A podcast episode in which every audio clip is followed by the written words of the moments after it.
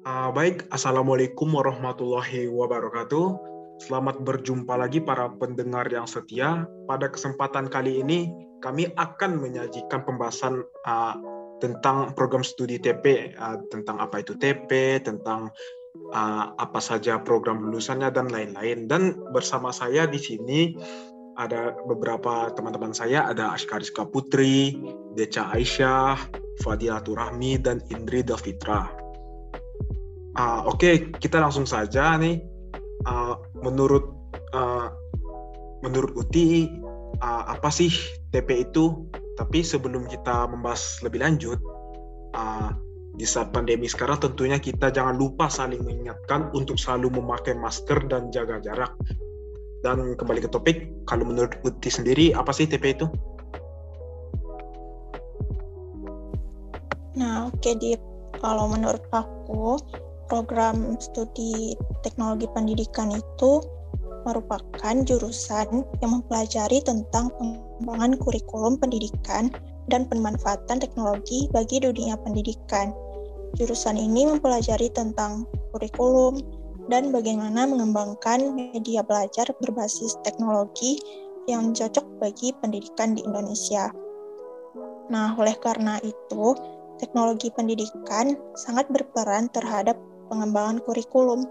Menggunakan teknologi dalam pengembangan kurikulum akan membuat kurikulum menjadi relevan bagi peserta didik untuk meraih hasil belajar yang lebih maksimal.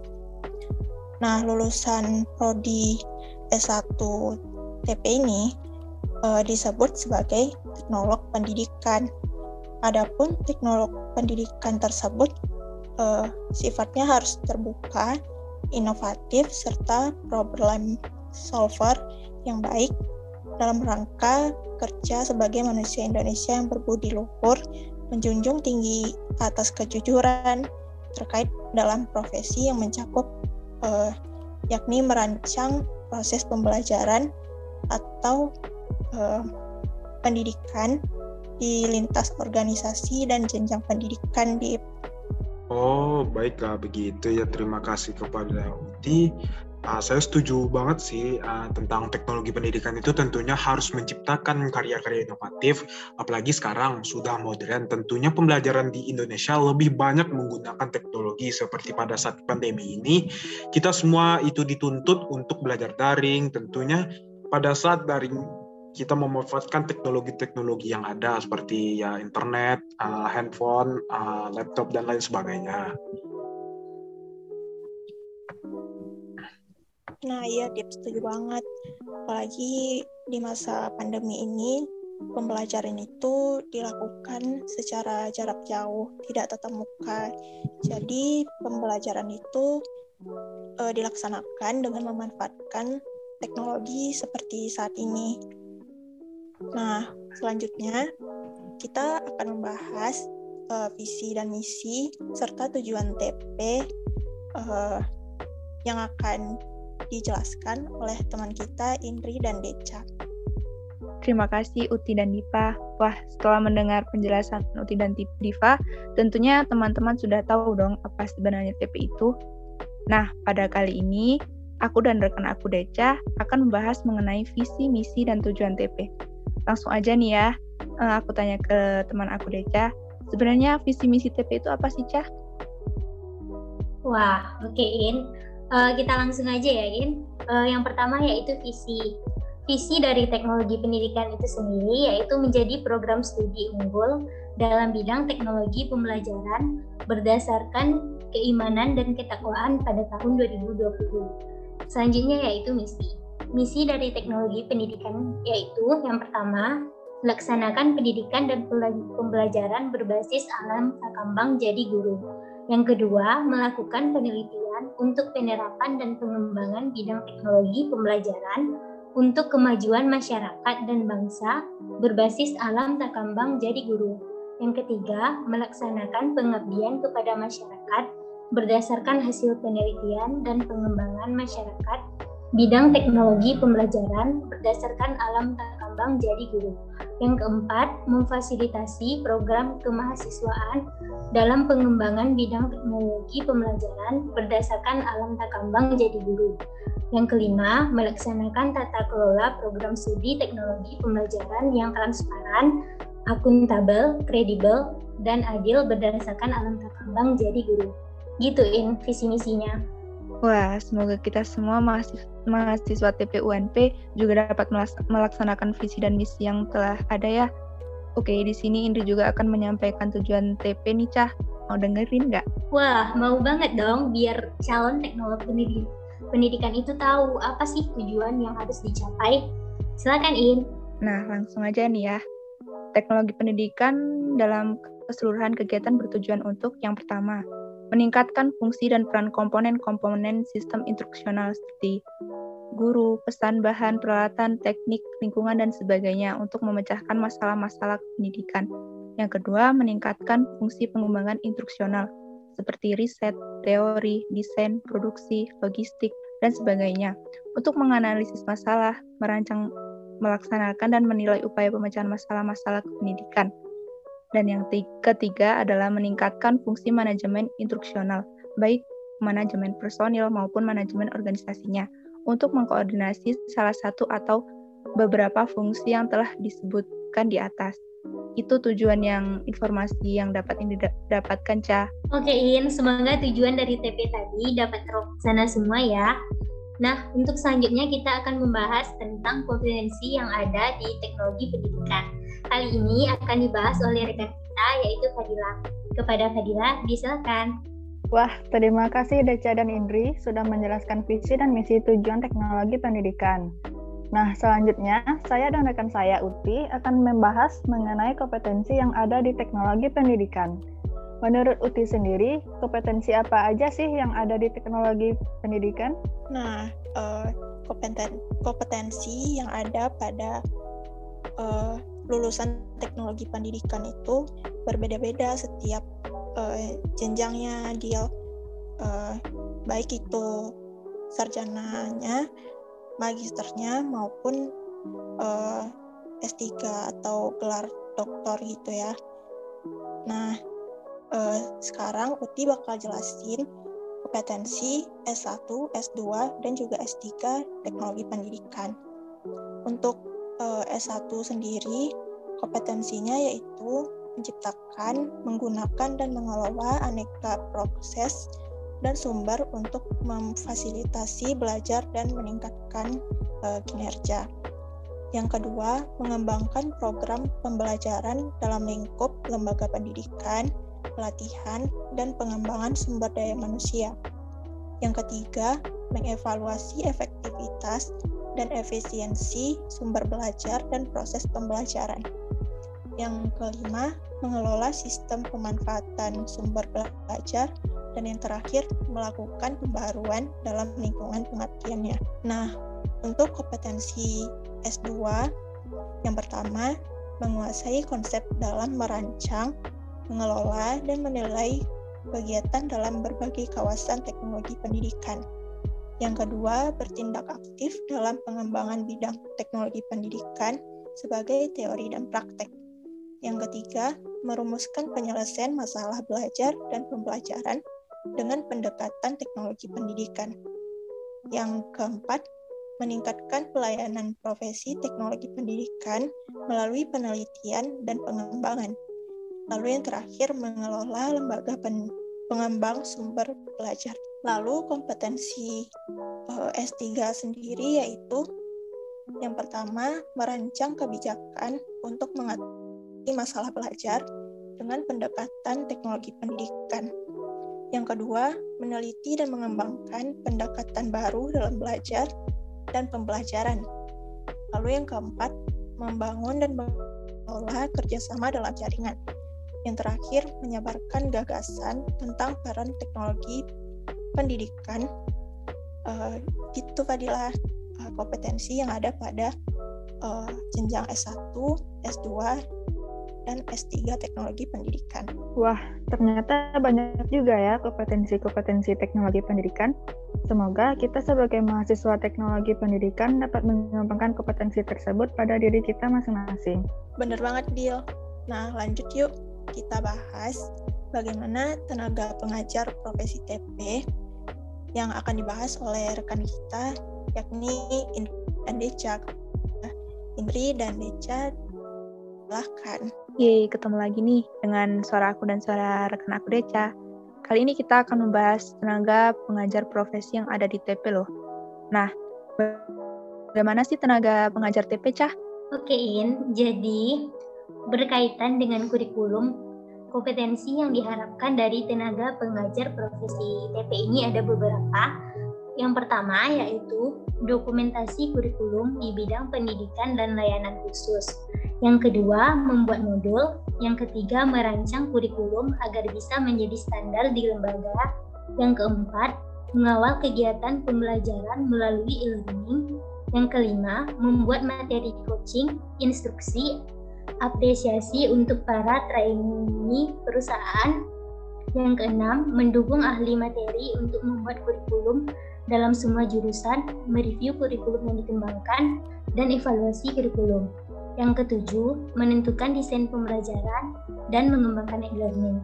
Yang kedelapan, meningkatkan kinerja para, karyawan.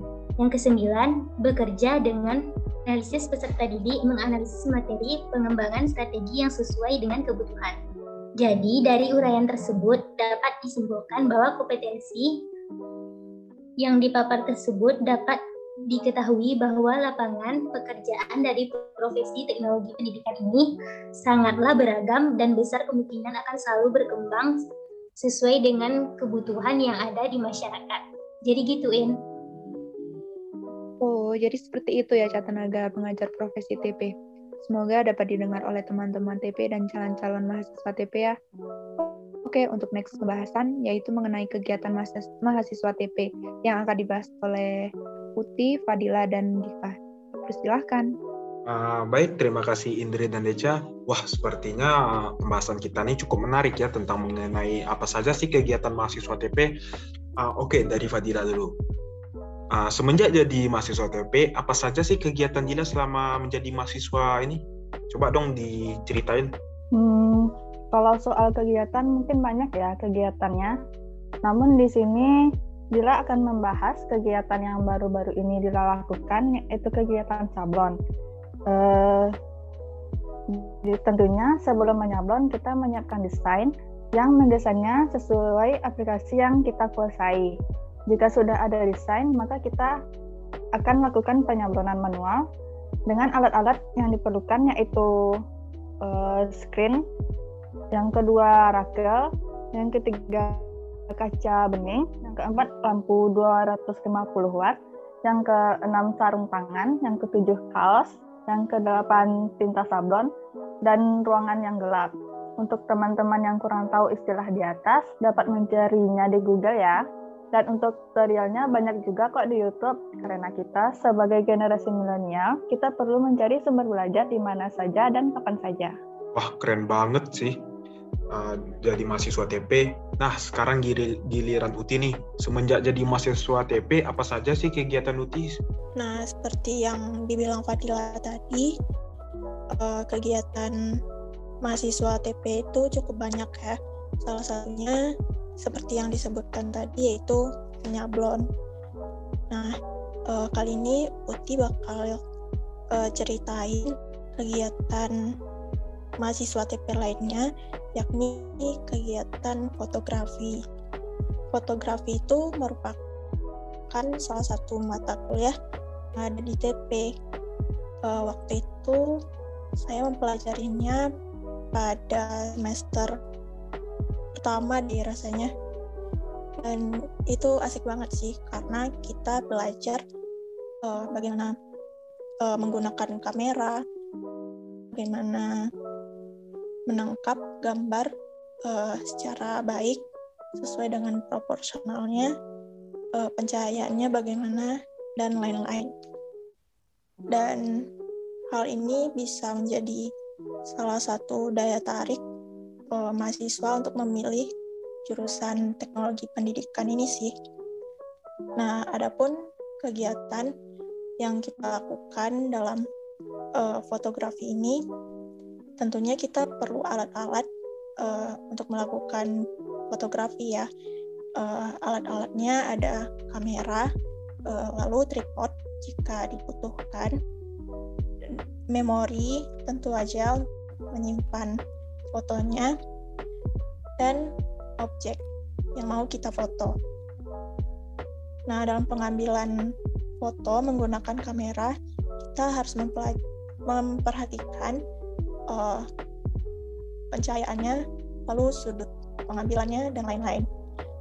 Nah, kalau kita udah dapetin jepretan yang bagus, kita bisa edit sesuka hati dengan aplikasi yang sering kita pakai atau yang kita kuasai. Nah, untuk teman-teman yang mungkin ingin belajar bagaimana caranya ambil gambar dengan kamera, terus ngeditnya gimana biar estetik ala-ala Instagram gitu ya, kayak uh. Udah banyak kok uh, tutorialnya, baik itu di YouTube ataupun di IG sama TikTok juga udah banyak tuh tutorial-tutorial singkat yang bisa teman-teman ikutin. Nah, itu di ternyata ATP ini menarik juga ya.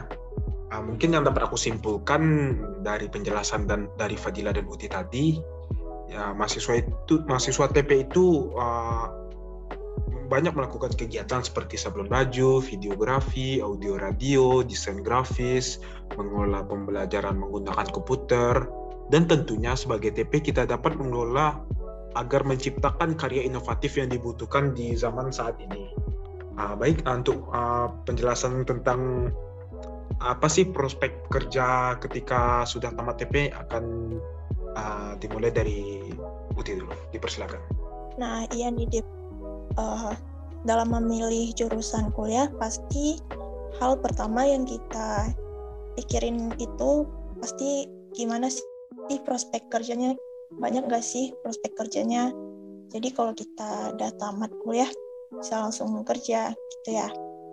Nah sekarang Putih bakal tanyain ke teman-teman nih uh, kira-kira menurut kalian prospek kerja dari jurusan teknologi pendidikan ini apa aja sih?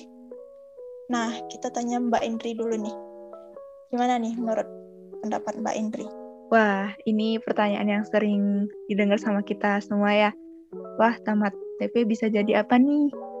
Menurut aku sih bisa jadi tenaga pengajar guru. Nah, di sini sarjana TP bisa menjadi guru untuk mengajar yang bersangkutan dengan teknologi seperti TIK atau bisa juga membantu guru untuk membuat media belajar seperti video animasi atau video yang menarik. Di sinilah peran TP dibutuhkan. Gitu sih Uti. Nah, betul banget nih Mbak.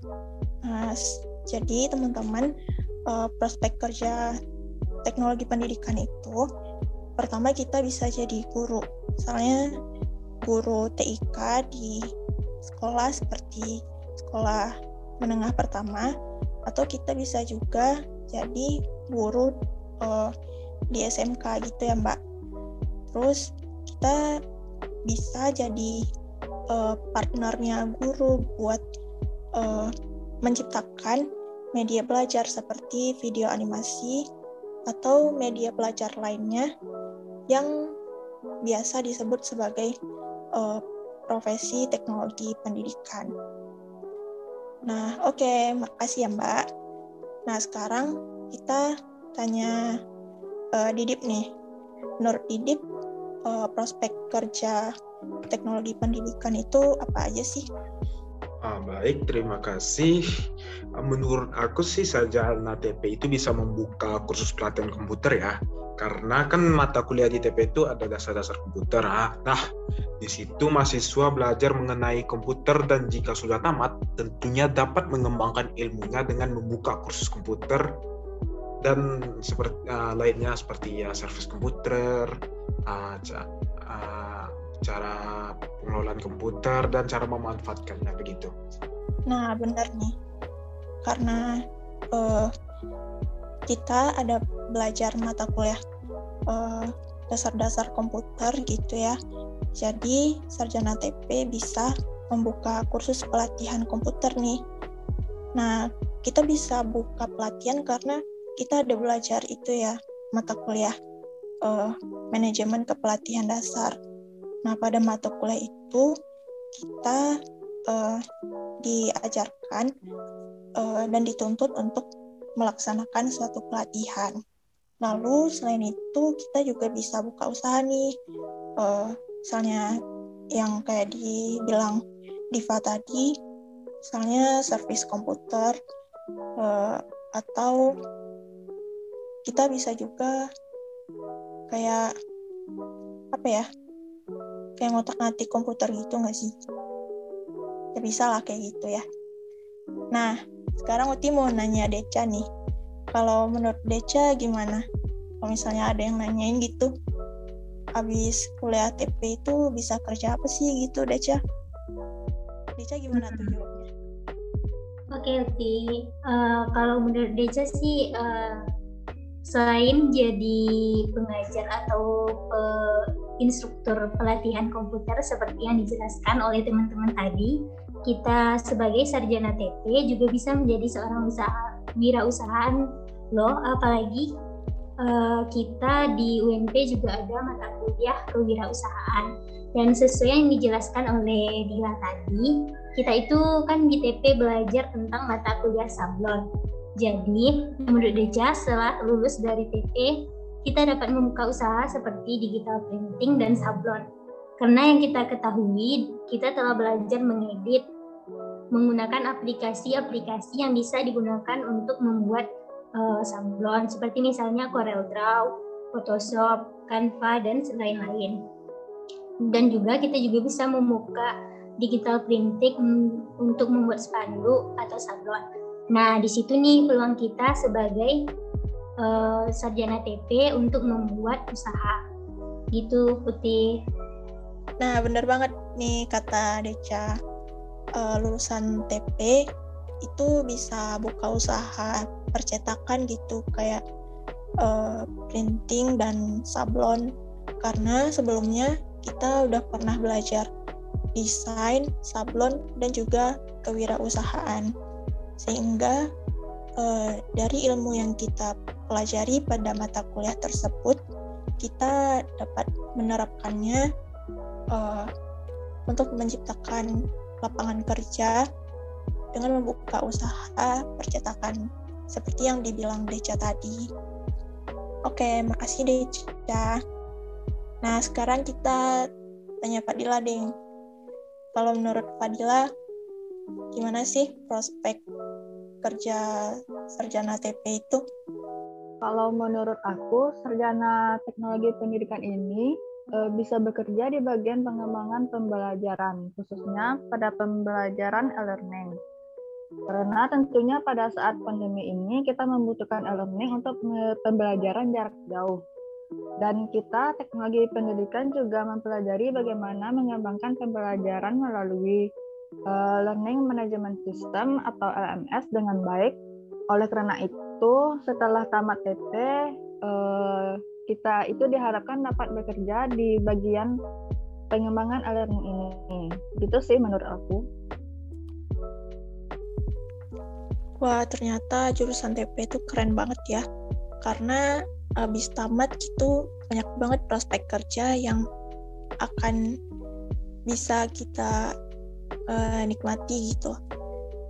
Nah, jadi tinggal kitanya aja yang bersungguh-sungguh untuk um, mengembangkan skill supaya nanti pas kita lulus uh, ilmu yang kita dapatkan di teknologi pendidikan itu bisa kepakai gitu. Oke, makasih Badila. Nah, dapat kami simpulkan jurusan teknologi pendidikan adalah jurusan yang mempelajari tentang pengembangan kurikulum pendidikan dan pemanfaatan teknologi bagi dunia pendidikan. Jurusan ini mempelajari tentang kurikulum dan bagaimana uh, mengembangkan media belajar berbasis teknologi yang cocok bagi pendidikan di Indonesia. TP juga memiliki visi serta tujuan yang telah dibahas uh, seperti yang dibahas oleh teman-teman tadi. Dan setelah tamat TP pun prospek kerjanya cukup banyak yaitu menjadi guru, pelatih kursus komputer, pengusaha digital printing, pengembang e-learning dan masih banyak lagi pada masa pandemi ini semoga kita mahasiswa TP dan semua uh, rakyat Indonesia dapat berpartisipasi, berpartisipasi aktif dalam mengupayakan pembelajaran jarak jauh dan memutus rantai COVID-19 dan semoga cepat usai. Jaga kesehatan dan tetap memakai masker. Terima kasih.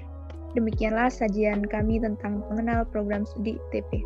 Semoga teman-teman dan para pendengar semuanya bisa memahami dan mengetahui apa sih itu program studi TP. Uh, eh, baik, pendengar semua, uh, sampai di sini dulu nih penjelasan kita tentang apa sih program studi teknologi pendidikan. Semoga apa yang telah kita bahas tadi ada manfaatnya bagi kita semua, sehingga kita dapat mengenal program studi teknologi pendidikan ini lebih jauh dan menambah pengetahuan bagi kita. Sampai jumpa lagi pada lain waktu.